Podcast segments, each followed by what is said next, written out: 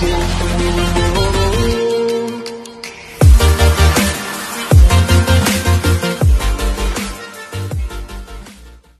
Doni Ya, bagaimana Pak Sagung? sehat alhamdulillah Pak Doni sehat ya Alhamdulillah. sehat. Oke, kembali lagi bersama kami di Beyond Education Podcast, podcastnya yang bisa didengar oleh seluruh manusia di dunia ini. ya, dengan undang nih Pak, mau Indonesia, mau Amerika, kalau bisa ngertiin Indonesia sih nggak apa-apa. Iya, kan ada ini Google Translate. Nah, betul. Oke, bagaimana Pak Doni kabarnya siang hari ini Pak? Alhamdulillah baik. Baik, setiap hari kita podcast Pak ya. Ya, Ini menambah energi kita untuk menebar manfaat ya. terkait dong. materi iya nah ter- terkait manfaat nih pak banyak orang yang eh, kurang tahu bahwa dirinya itu sebenarnya menjalani kehidupan ini tanpa manfaat. Hmm, Hmm, dan dia itu merasa apa pun yang dia lakukan apa pun yang dia pikirkan hmm, itu merasa merasa dia itu sangat bermanfaat padahal tidak. Hmm, contoh misalnya ada orang yang terus-terusan misalnya menghafal sesuatu. Hmm, gitu kan? Menghafal sesuatu wih aku bisa menghafal nih gitu kan. Aku hafal ini aku hafal ini. Tapi sebenarnya hanya hafal saja kurang bermanfaat kan pak ya Iya. betul nah seperti itu ada yang ada apa ketika orang yang berpikir seperti itu nah ketika dia berpikir seperti itu dia tidak sadar bahwa dirinya itu sebenarnya pola berpikirnya itu sudah ke arah sana gitu Hmm, hmm, Iya, kadang kadang harus kita sadarkan nih bahwa hey jangan ngapalin mulu, amalin dong ilmunya gitu kan kadang-kadang kayak kita. Kadang oh iya juga ya. Selama ini kita ngapain aja dengan cara berpikir kita. ya. Oke. Kadang-kadang saya juga merasa kayak gitu pak. Hmm, Ketika kuliah saya belajar, gitu kan belajar sampai sampai lulus kuliah belajar kan. Tapi yang di, diamalkan tuh kadang bukan bukan yang didapat dari kuliah. atau misalnya ada ada anak SD SMP SMA dia belajar terus di dalam kelas misalnya tapi belajar itu buat apa sih nah jadi po- pola pikir untuk pola pikir itu untuk membentuk sebuah manfaat itu tidak ada nah jadi permasalahan kayak gitu sih pak banyak orang-orang sekarang yang hanya memikirkan apa eh, pola pikirnya tuh hanya memikirkan atau hanya belajar saja tapi tanpa memberikan manfaat nah hmm, di sini sih yang ingin saya bahas sih terkait masalah pola pikirnya pak hmm, Oke. jadi pola pikirnya tuh, jadi setiap orang tuh ternyata pola pikirnya berbeda-beda pak ya. Pastinya. Hmm, ada yang orang yang senang menebar manfaat, ada yang Hmm. orang yang tidak senang bermen, apa, eh, tidak senang menebar manfaat, misalnya cukup Hmm. buat diri dia aja. Hmm, Nah itu sebenarnya pola pikir itu atau mindset itu apa sih pak? Ya. Jadi mindset atau pola pikir itu terbentuk dari apa yang kita pelajari, ya. Dan bersumber bisa dari mana saja. Hmm, Apakah itu dari buku yang kita baca iya. nah, atau dari hal yang kita tonton, Hmm. ya. Atau dari orang-orang di sekitar kita yang memberikan masukan-masukan kepada kita, ya. Jadi bisa dari mana saja. Hmm. Masalahnya memang kita jarang diajak untuk mau untuk berpikir, Hmm, ya, iya. dengan hal-hal yang kita pelajari. Hmm, iya ya. Jadi Karena cuma belajar doang gitu, Iya, tanpa kita dipikirin iya, apa gitu maksudnya. benar. Iya iya betul betul. Nah, di sinilah kita akan membahas Hmm. mengapa pentingnya kita mempelajari mindset Hmm. atau pola berpikir itu. Hmm, iya betul. Karena kan eh, mau tidak mau yang diinginkan setiap orang pasti pola berpikir yang positif ya pak ya. Ya, pastinya. Iya, eh, di mana pun itu misalnya oh, positif dong berpikir kamu. Nah, sebenarnya cara mendapatkan agar kita bisa berpola pikir positif itu seperti apa sih pak? Ya, Cara mendapatkannya gitu. kalau sumber utama ya, yang paling terpercaya untuk hal-hal yang positif yang dapat kita pelajari, pasti sumbernya hanya satu, yaitu dari agama. Oh, bukan dari buku, Kenapa? bukan dari buku dan yang lain. Bukunya ya kitab suci. Ya, Iya iya. Karena apa? Di dalam agama apa pun juga, Hmm. ya pasti mengajarkan tentang kebaikan. Hmm, Ya. Iya betul. Pernah nggak Agung pernah mengetahui ada agama yang mengajar hal-hal yang negatif? Kalau setahu saya sih memang eh, rata-rata positif ya Pak ya. Kayak misalnya menghargai orang gitu Iya. kan. Memberi Ba- di agama mana di agama mana pun memberi itu sesuatu hal yang positif gitu. Nah, Ya, hmm, ya benar karena agama itu kan sebagai petunjuk bagi manusia untuk menjalani kehidupannya. betul. Ya. Agar kehidupan manusia itu tidak berakhir terpuruk. Hmm, Ya, pasti Tuhan menciptakan manusia itu bukan tanpa sebab. hmm, Pasti ada tujuannya. Dan tujuannya itu ada di kitab suci. Jadi tinggal manusianya saja mau mempelajari kitab sucinya.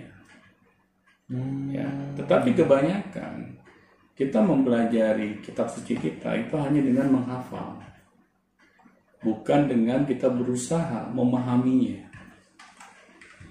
Iya. Dan di sinilah kalau kita ingin kehidupan kita menjadi lebih baik, berarti kita harus ubah cara belajar kita. Hmm, iya betul. Yang tadinya menghafal, Hmm. sekarang dengan cara untuk memahaminya. Oh, agar terbentuk pola pikir itu ya Pak Ya, akan terbentuk pola pikir itu. Karena pola pikir itu kan tergantung dari apa yang kita masukkan ke dalam pikiran kita. Hmm, iya. Kalau kita tidak paham bagaimana kita dapat melakukan tindakan, ya, Hmm. karena nasib kita itu tergantung diawali oleh pikiran kita. Ya, Hmm, kalau pikiran kita nggak benar, pasti tindakan kita nggak benar. Kalau tindakan kita nggak benar, pasti kebiasaan kita nggak benar. Iya, iya. Ya, kalau kebiasaan kita tidak benar, Hmm. pasti karakter kita nggak benar. Dan terakhir nasib kita nggak benar Oh, jadi awalnya dari pikiran itu ya, Pak? dari pikiran. Oh, dan dasar yang baik itu adalah agama, Pak. agama tidak ada yang lain ya Hmm. ilmu pengetahuan yang lain hanya sebagai pendukung Hmm. itu penting juga yang harus kita pelajari Betul.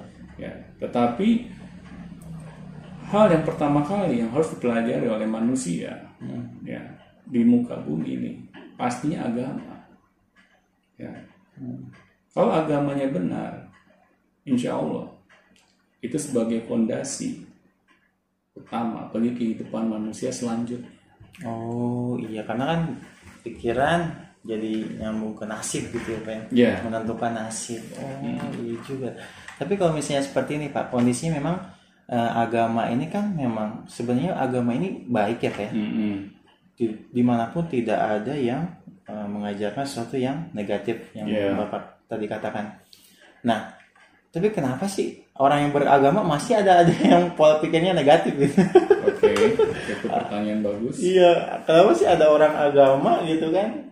Eh, dia itu jas ber- jas agamanya aja gitu dibaca atau nggak tahu entah itu dibaca aja atau gimana, tapi nggak sesuai dengan apa yang diinginkan pola pikirnya oleh agama itu. Kadang terkadang seperti itu banyak pak. Iya, Hmm.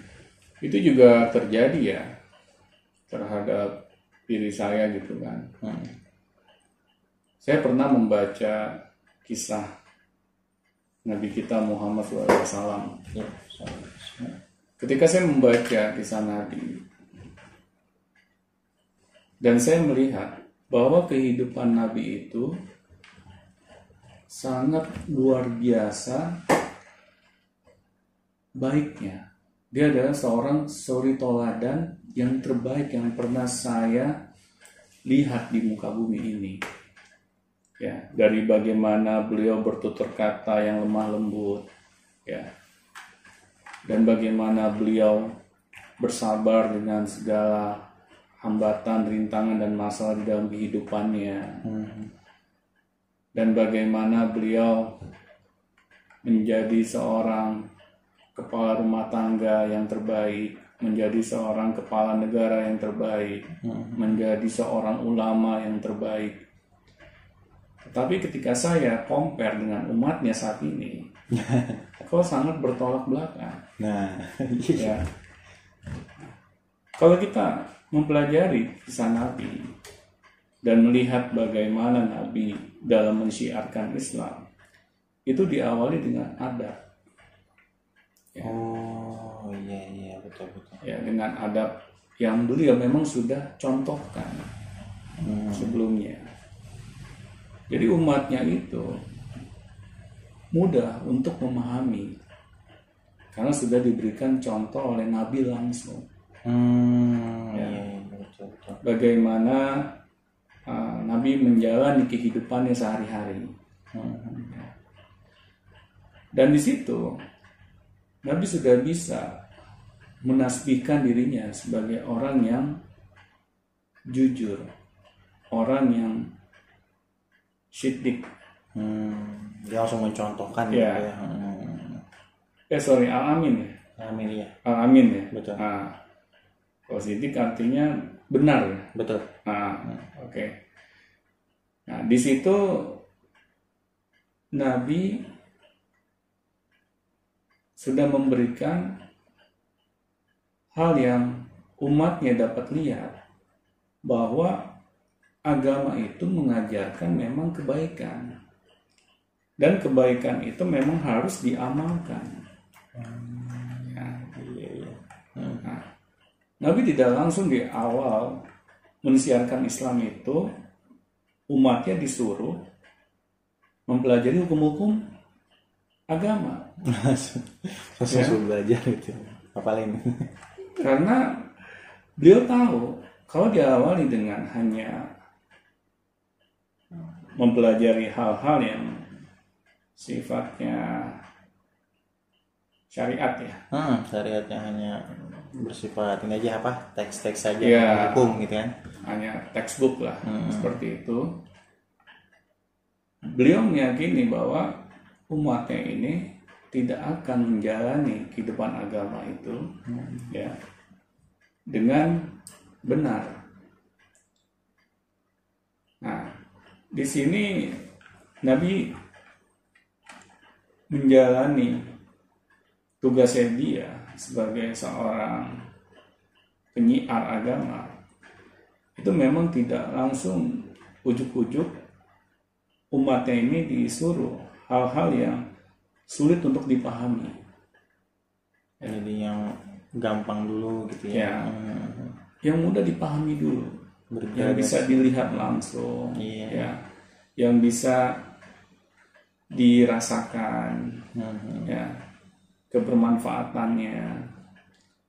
Akhirnya umat Nabi pada saat itu juga paham bagaimana Islam ini menginginkan sebenarnya kebaikan bagi manusia-manusia yang menganutnya. Oh, berarti ketika sesuatu itu dipelajari terus di apa? dipahami terus kalian diamalkan itu lebih dapat cepat masuk ke dalam pola pikir atau bisa menjadi pola pikir gitu. Pak ya. Jadi bukan cuma Nabi nggak nggak nyuruh umatnya belajar doang gitu kan. Iya. Tapi dia beliau pun mencontohkan jadi sehingga apa yang dipikirkan itu bisa menjadi karakter gitu kan. Oh, jadi benar. terbentuk di situ pola pikir Pak ya. Jadi Nabi itu mengajarkan dan langsung mempraktekkan Nah, Ya. iya. sampai umatnya paham. Nah, makanya Tuhan tidak mengirimkan kitab sucinya itu langsung satu buku, ya, tapi bertahap, Iya, sedikit-sedikit tapi diamalkan ya, kan. tetapi diamalkan. Iya. Oleh karena itu mindsetnya atau pola pikir orang-orang yang mempelajarinya itu bukan hanya sekedar tahu, Betul. tapi mengamalkan. Berakhir di mengamalkan Ya. ya. Iya. Beda dengan zaman ini. Oh, yang tadi aku tanyain ya. Ah, di zaman ini orang-orang hanya sekedar tahu, Hmm. tetapi tidak mengamalkan di dalam kehidupannya. Karena yang dikejar hanya nilai, Nilai, nilai ini ujian. nilai ujian, nilai raport, ya, Oh, nilai iya. ijazah, dan akhirnya ya pendidikan agama itu hanya sekedar untuk mengisi Hmm, aktivitas aja gitu ya Ah. di dalam rapot untuk Hmm, hal yang ini hal yang sekedar formalitas iya juga ya jadi eh, kalau misalnya kita cuma mengamal apa mengha- menghafal doang mempelajari doang itu nggak nggak nggak bisa terbentuk jadi pola pikir gitu ya pak ya? Iya pastinya. Cuman hanya formalitas aja Nah, gitu. coba saya tanya ke Agung nih kalau misalnya Agung hanya menghafal Eh, kira-kira kalau Agung tidak terus-terusan ya uh, menghafalkannya hmm. berapa lama hal tersebut ada di dalam otaknya Agung. Ya paling berselang satu jam setelah makan mbak. Nah itu. Itu kan bahaya ya. Iya iya. Kalau kita hanya mempelajari sesuatu untuk kita lupakan. Hmm, ya. Jadi selama kita belajar bertahun-tahun lamanya hmm. itu akhirnya menjadi hal yang mubazir. Hmm, Ya. iya betul betul. Karena tidak ada ilmu yang kita pelajari ini yang kita amalkan. Nah di sinilah pentingnya untuk memiliki pola pikir atau mindset yang benar Hmm, itu harus diawali dengan hal yang benar hmm. yang kita pelajari. Iya Ya. betul. sampai kita paham. Dan mengamalkannya. Dan mengamalkan. Oh iya, jadi kalau misalnya gini Pak, kalau misalnya kita kan itu berbicara terkait bagaimana cara membentuk pola apa mindset yang ini ya, yang efektif ya, Hmm. bukan hanya sekedar mempelajari tapi juga mengamalkan, jadi nancep gitu di otak kita tuh Hmm. gitu ya, tidak hanya sekedar biasa. Tapi gimana nih Pak, masalah ketika ada orang tua atau misalnya orang dewasa yang ingin menanamkan mindset bagus kepada anaknya, apakah harus seperti itu juga atau gimana Pak? ya harus Oh, kita tidak dapat hanya memberitahukan anak nah ini loh yang benar Ini oh iya tuh, salah. ya kayak gitu tuh. Ya. Yang nggak boleh ini, yang Ya. boleh ini gitu kan ya. ya tapi kita tidak mempraktekkan Hmm. ya. Hmm. misalnya nak kamu jangan berbohong jangan suka berbohong tapi kita hanya sendiri suka berbohong ya kan jadinya sulit Iya. kita ingin anak benar tapi kitanya sendiri tidak benar Oh, iya benar. karena anak juga jangan dianggap selalu mereka ini nggak bisa berpikir Hmm. ya anak sejak usia sedini mungkin ya kita ambil contoh anak balita lah dia sudah bisa melihat dan merasakan dan berpikir apa yang ada di sekelilingnya mereka Hmm, iya. Nah, di sini orang tua itu harus hati-hati. Kalau kita anggap selalu anak-anak ini nggak bisa berpikir, Hmm. nanti kitanya yang akan merasakan akibatnya. Iya, kayak misalnya anak kecil itu sering melihat kita bertengkar misalnya, orang Ya. tua bertengkar. Jangan kira dia nggak bisa ngelihat. Ya, nanti pada suatu saat sudah besar nanti dan mama juga iya gitu ya kan. dia akan melawan. jadi ngarap gitu ya pak ya iya. Kan ini yang kita tidak inginkan. Kalau anak tuh sampai melawan orang tuanya. Hmm. Ya, oleh karena itu ya kita harus bisa memberikan hal-hal yang positif kepada anak dan hal tersebut kita lakukan juga. oh jadi gitu ya jadi jangan hanya sekedar nyuruh aja gitu Ya, ya, kita tidak boleh seperti itu. Karena anak belum paham seperti apa ya, seperti kita mempelajari sesuatu tapi tidak tuntas. tidak dimikrokan bahasanya gitu Ya, tidak dimikrokan dan akhirnya yang kita ketahui itu hanya setengah-setengah. kulit luarnya Ya, doang hanya kulit luarnya saja. Tidak Iya. sampai dalam. betul betul otomatis pola pikir dan mindset kita Hmm. tidak ada perubahan yang signifikan. Hmm. Nah, di sinilah pentingnya apa yang kita berikan ke anak, ya, itu harus benar-benar kita filter. Hmm. Jangan sampai pertama hal yang negatif yang kita berikan. Iya. Nah, yang kedua, jangan sampai anak tidak memahaminya. Sebenarnya yang disampaikan tuh baik, Iya iya. bagus, tapi anak nggak paham. Nah, kamu tuh harus sabar. Kan Ya. bingung ya, sabar tuh gimana sih bu? Nah, tapi tidak dikasih tahu cara Sabar, cara bersabar gimana. tuh bagaimana. Iya, iya, Ya, benar-benar. Karena karena ilmu bersabar itu ada. Mm-mm. ya dan itu yang harus kita kasih tahu kan ya. Ya, contohnya begini kayak misalnya anak saya dulu bertengkar dengan temannya Hmm. ya saya tanya kenapa nak? Kamu kok bertengkar? Hmm. ya habis itu ya dia mulai duluan. Ya dia ini apa namanya suka ngajakin teman-teman yang lain musuhin saya gitu. Oh gitu. Terus saya tanya ke dia apakah itu penting buat kamu? Ya untuk memusuhi dia untuk istilahnya bertengkar dengan dia Hmm. Iya. saya ajak berpikir anak saya karena anak saya masih SD Oh, jadi nggak langsung dimarahin. Kamu apa sih bertengkar gitu ya? ya saya ajak anak saya untuk berpikir Iya, iya betul. akhirnya saya bilang ya juga sih ya Hmm. kayaknya nggak penting juga saya musuhin dia ya, meskipun teman-teman menjauhi saya ya saya kan masih bisa berteman dengan yang lain Iya betul. ya nah di sini anak jadi paham apa yang harus dia benarkan nah, nilai-nilai itu harus orang tua yang memberikan tidak mungkin orang lain ya apakah kita ingin bergantung terhadap guru-guru anak-anak kita misalnya Menyerahkan begitu. Nah, menyerahkan begitu saja. Hmm. Apalagi kalau kita menyerahkannya kepada teman-temannya dia. Kacau beliau. Nah di situ orang tua harus aware.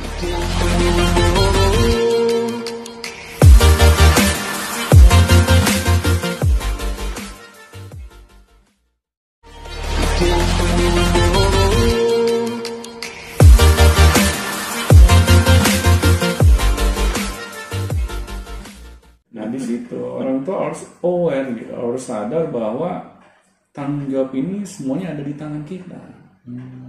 Ya. Kalau kita tidak yang memulai pertama kali, pasti orang lain yang akan memulainya. Hmm, iya, karena penanaman mindset itu dasarnya ya, Pak ya. Dasarnya. Nanti kita beralih ke perilaku, ke karakter, kan ntar repot lagi kalau Nah, misalnya itu. kita salah tanam atau misalnya sejak sejak kecilnya sudah salah apa, salah input gitu ya. Oh. Iya, jangan kita berbicara karakter dulu deh. Kebiasaannya Kebiasaan dulu. aja, iya, Iya. benar-benar. Kalau itu sudah terbentuk, waduh, itu akan sangat sulit untuk kita ubah dan menjadi kebiasaan yang lain gitu. Oh iya, tapi kalau misalnya gini Pak, ada nih misalnya contoh eh, seorang ibu yang memiliki anak remaja Hmm. yang sudah anak remajanya ini sudah terbentuk mindset atau pola pikir yang memang dikatakan itu tidak benar gitu. Misalnya kayak marah-marah itu biasa aja, terus eh, dia berbohong itu biasa aja, terus dia apa mengatakan sesuatu yang tidak semestinya itu biasa aja gitu kan karena dari dulunya mungkin diajarkan Iya. seperti itu oleh lingkungan dan lain-lain dan tidak difilter oleh orang tua. Nah, dengan kondisi seperti itu, ini orang tua harus mesti ngapain nih Pak buat merubah nih anak? Ya pertama orang tua harus sadar dulu Hmm. ya bahwa selama ini ada kesalahan yang mereka perbuat. Introspeksi dulu. Ya harus introspeksi diri dulu ke dalam. Hmm. Mengapa nih semua ini bisa terjadi? Ya. Setelah tahu jawabannya, ya kita harus mau mulai memperbaikinya. Tapi jangan inginnya yang instan saja gitu. Hanya ingin anaknya cepat berubah gitu. Karena anak kita kan bukan satria baja hitam gitu kan. Iya. Nah, berubah gitu. Ya, butuh waktu.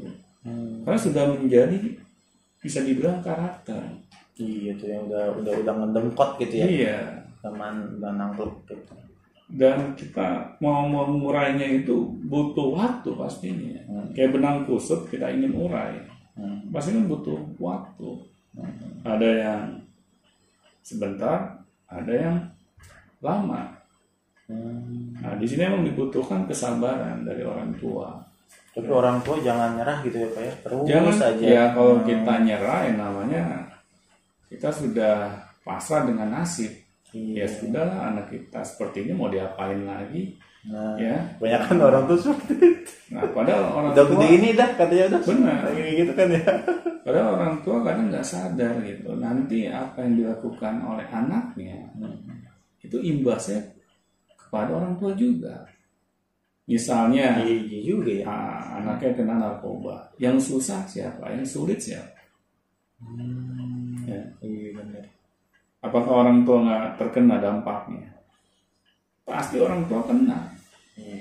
Ya misalnya harus berurusan dengan kepolisian, ya harus berurusan dengan apa namanya uh, tempat rehabilitasi, ya misalnya seperti itu.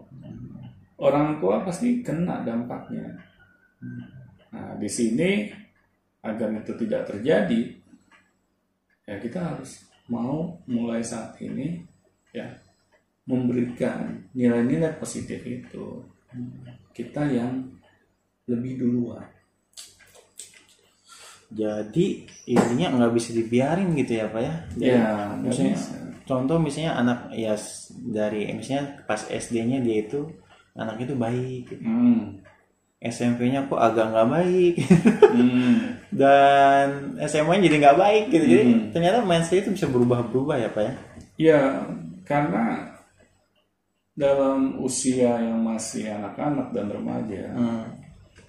mereka masih mengeksplor dirinya. Masih labil ya kalau Ya. sekarang gitu. Mereka masih banyak hal yang ingin mereka tahu. Hmm. Nah, di sini orang tua bisa menjadi filternya agar anak tidak salah dalam mengambil keputusan.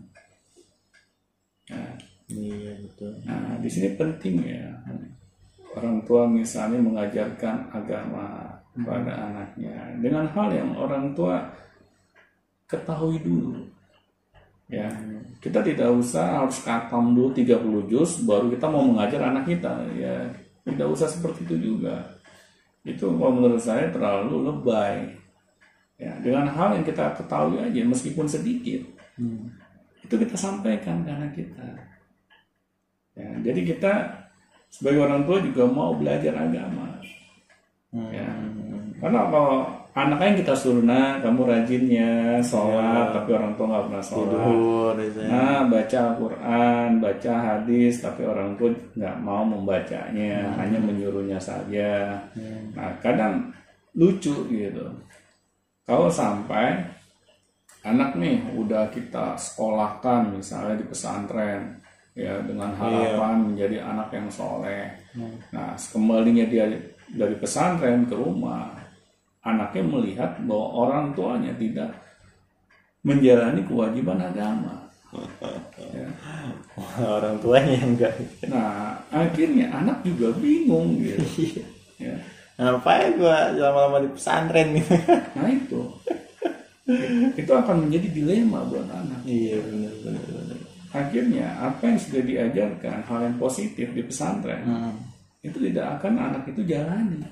Hmm, karena melihat real- realita realitanya gitu banyak yang mencontohkan tidak baik gitu ya. Ya, Orang karena tuanya. orang tua itu kan memiliki ikatan batin yang kuat dengan anaknya. Kalau sampai orang tuanya sendiri yang memberikan contoh yang tidak baik, itu akan lebih melekat dibandingin omongan gurunya, ustadznya. Hmm, Ya. iya juga. Nah di sini ya orang tua harus hati-hati. Makanya saya pernah sharing sama orang tua ya bahwa sekolah yang terbaik bagi anak-anak kita adalah diri kita sendiri. Hmm, adalah orang tuanya ya. Ada orang tua sendiri. Ya. Iya benar juga ya maksudnya ya kebanyakan orang bingung gitu ya orang tuh pada bingung tuh Mm-mm. gimana nih caranya merubah mindset anak saya yang sudah remaja kadang mereka uh, tanpa melakukan apa pun sudah nyerah duluan ya udah udah gede ini biarin Nah itu itu berarti kita udah kalah perang sebelum perang. Tapi padahal mindset itu penting ya, Pak ya? Mindset itu penting. Hmm. Makanya harapan saya kepada para orang tua, Hmm. dimulailah yang namanya pesantren itu dari rumah. Hmm. Ya. Karena sempat saya mendengar sebuah ini ya perkataan dari orang bijak gitu. Jadikanlah rumah kita ini sebagai madrasah utama bagi keluarga kita. Iya, dan anak-anak kita. Ya. Karena kalau kita hanya bergantung pada orang di luar dari keluarga, ya, ini akan membuat diri kita ini lemah, ya, tidak berdaya. Kalau nggak ada ustadznya, Dia nggak nurut. ah, anak saya nggak nurut. Iya, ya. gitu. kadang kayak gitu ada aja sih gitu ya. Nah itu yang bahaya, mindset yang seperti itu, pola pikir yang seperti itu. Hmm. Kita menyerahkan nasib kita kepada orang lain. Hmm. Ya. Hmm. Padahal di agama nggak mengajarkan itu. Iya. Orang tua lah yang harus Orang tua lah yang harus berperan besar di dalam kehidupan anak-anak kita. Iya, dalam pembentukan mindset tersebut. Ya, Oh, iya. Tapi sebenarnya seberapa pengaruh sih Pak mindset itu terhadap kesuksesan seseorang Pak? jadi kan di awal saya udah bilang bahwa apa yang kau tabur dalam pikiranmu, pola pikir ya, Hmm. itu yang akan menjadi tindakan. Apa yang kau tabur di dalam tindakanmu, Iya. itu menjadi kebiasaanmu. Hmm. Apa yang kau tabur di dalam kebiasaanmu, itu yang akan menjadi karaktermu. Apa yang kau tabur di dalam karakter, itu menjadi nasibmu. Jadi nasib ini bisa sukses, bisa gagal. Nah, Tergantung apa yang kita masukkan ke dalam pikiran kita, yang membentuk pola pikir kita. oh jadi itu sangat berpengaruh ya Pak ya? itu sangat berpengaruh sekali. Nah, makanya saya juga baru menyadari ini setelah belajar, bukan belajar di bangku sekolah atau bangku kuliah ya, belajar di dalam kehidupan. Ya. Dan hal inilah yang saya terapkan gitu, untuk anak-anak di Fikar School. Ya agar anak-anak ini bukan hanya sekedar tahu ilmu akademis semata, tapi juga ilmu kehidupan. Karena ilmu kehidupan itu yang paling penting, karena itu yang akan kita praktekkan. Betul. Nah, jadi secara eh, apa namanya, nggak langsung anak-anak kita ajari Hmm. bagaimana memiliki pola pikir atau mindset yang benar. Iya, jadi jangan jadi harus berani menghadapi realita dan masalah ya. Nah itu, Itu yang paling Hmm. penting. gitu. Karena kan ada anak pinter ketika ngadepin masalah buyar. iya lari, Lari, gitu. gitu kan. Ah, iya iya mindset mindset seperti itu harus mulai ditanamkan dari Iya sekarang. harus, harus ditanamkan dari usia sedini mungkin. Ya, jadi kita jangan pernah berpikir bahwa anak ini nggak tahu apa-apa. Ya, kita yang lebih paham. Akhirnya anak ini kita tidak ajak untuk berpikir. Ya, karena anak itu harus diajak berpikir. Makanya saya dengan anak saya itu lebih seringnya berdiskusi. Oh, bukan meng- hanya menginstruksikan saja. Iya, jadi ketika anak saya dapat masalah, dia mendatangi saya, ayah, ini kenapa ya kok pas saya belajar nih, Hmm. saya melihat gurunya ini kurang bisa mengajarkan dengan baik, bayangin anak bisa menilai begitu. Ya, Dia merasakan gitu ya. Iya, dia biasanya merasa bahwa gurunya sebelumnya Iya. itu kalau mengajar itu itu memiliki cara ajar yang lebih baik gitu. Hmm. Misalnya yang dia bilang ke saya, barusan tadi dia cerita sama saya. Hmm. Guru yang sebelumnya ya, kalau misalnya sebelum masuk materi, Hmm. dia sering mengajak kita ngobrol dulu. Oh, ada ice, ada ice breaking ya. Ah. Seru-seruannya dulu. Iya, iya. Jadi anak-anak itu merasa bahwa belajar itu fun, Nyaman. ya, nyaman gitu. Nah setelah nyaman baru masuk ke materi. Tapi kok sekarang enggak ya? Langsung. Langsung buka bab sekian. nah di sini kan anak jadinya stres. Oh, anak juga udah bisa berpikir seperti itu. ya. Iya. Dan itu saya dengar apa yang menjadi dan unek-uneknya dia. Ya, saya dengerin oh gitu nak.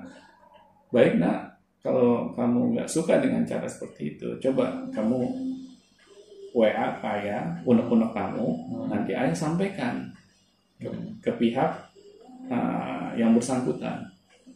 Ya. di situ anak saya merasa oh iya ya nanti adek ini deh bikin dulu apa yang menjadi unek-unek adik adek tulis nanti adek WA ke ayah nanti ayah sampaikan. Nah di situ kan anak juga kita ajak untuk menyelesaikan masalahnya. Iya. nah ini lebih apa ya nancep ke diri anak Heeh, lebih maksudnya ke dalam mindsetnya itu lebih masuk lah gitu ya Ya, Hmm. kalau kita misalnya uh, anak sedang ingin bicara dengan Bodoh. orang tuanya terus kita masa bodoh. Iya apalagi Nah, anak tahu apa sih gitu kayak gitu nah, sih itu. Udah kamu nurut sama guru kamu. nah Ya. gitu iya Kamu harus taat sama guru kamu. Hmm. Ya. Nah di situ anak akhirnya nggak bisa mengungkapkan pendapatnya. Akhirnya anak kebingungan sendiri untuk menyelesaikan masalahnya. Dan jangan heran gitu kalau anak kita menjadi anak yang lemah mentalnya. Iya.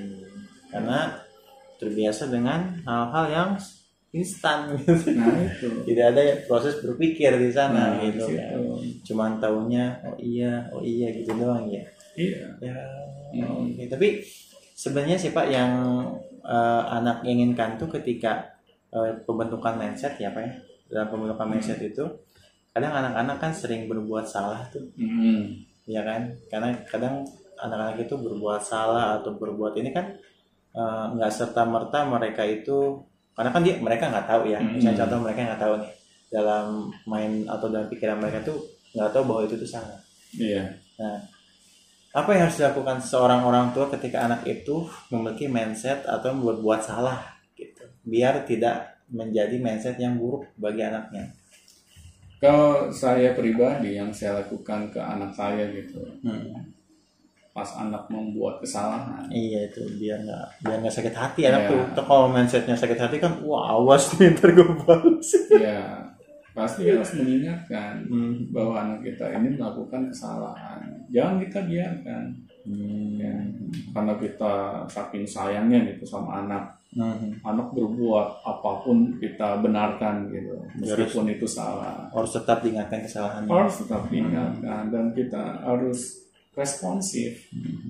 Jangan anak sudah melakukan itu berulang kali, Hmm. terus kita diam saja gitu. Oh, khawatir itu jadi mindset Ah. dia gitu ya. Khawatir jadi kebiasaan dia kayak gitu ya. Nah di sini memang ada kerjasama antara suami dan istri. Hmm. Ya. Iya. Kalau misalnya salah satu sibuk, yang salah satu ingatkan. Hmm. Jangan mendidik anak itu misalnya hanya tanggung jawab istri. Ya, suami nggak ngapa-ngapain. Pokoknya tugasnya hanya cari duit, Dari nafkah. cari nafkah. Tugas mendidik anak hanya istri saja. Tidak boleh seperti itu. Kita tidak boleh hitung-hitungan dengan pasangan. Hmm. Siapa yang duluan, itulah yang harus memulai. Hmm, iya juga ya berarti ketika salah itu anak-anak itu tidak langsung kita marahi habis-habisan gitu ya. Iya. Hmm. Pokoknya kita harus dengan pasangan itu dulu-duluan approach ke anak. Hmm. ya. Nah, langsung kita dealing dengan situasi dan kondisi yang ada di anak. Hmm. itu penting gitu. Betul, karena tidak ada situasi yang ideal. Ya. Kalau kita mengharapkan situasi yang ideal nanti di surga.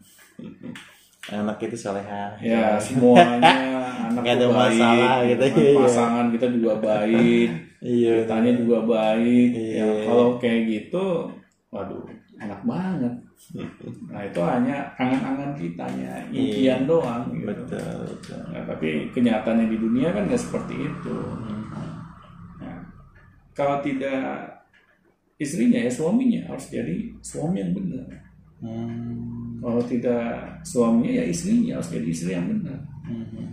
ya kalau dua-duanya ideal itu bagus banget Hmm. itu harapan kita semua. idamannya gitu ya. Idaman kita semua. Tapi kalau tidak seperti itu ya sudah. Hmm. kita yang harus mau memulai duluan. Approach anak itu. Ah, approach anak. Iya sih kadang-kadang memang orang tua itu males ya approach itu. Eh, kayak biarin aja lah. Nah ini itu ignorance. Anak anak buat salah buat apa jadi lama kelamaan anak itu terbentuk mindset oh ternyata saya berbuat ini itu nggak apa-apa gitu padahal Iya. itu salah gitu Iya, ya itu salah. Oh buat harus ada yang approach duluan gitu dari Iya keluarga. harus harus. Siapa pun yang duluan itu yang harus memulai. Iya berarti mindsetnya harus dirubah ya. Iya harus orang tua nih. Harus. Terutama ini karena kan orang tua biasanya "Ya udah ayah aja gitu. Nah, iya. ya bunda aja ya udah ayah aja bunda aja gitu. Nah itu karena memang bisa terjadi karena orang tua tidak mau belajar menjadi orang tua. Padahal menjadi orang tua itu harus kita memiliki ilmunya. Hmm. Nah ini yang terjadi juga sama saya di awal-awal berumah tangga. Karena nggak punya ilmunya, akhirnya ya wajar. Sering terjadi pertengkaran, cekcok. Ya. Nah, tapi alhamdulillah pas di tahun kedua saya menikah, saya mendirikan Vicar School. Dan di saat saya mendirikan Vicar School, karena saya tidak memiliki background pendidikan formal di dunia pendidikan atau di dunia parenting, akhirnya mau nggak mau saya harus belajar mandiri.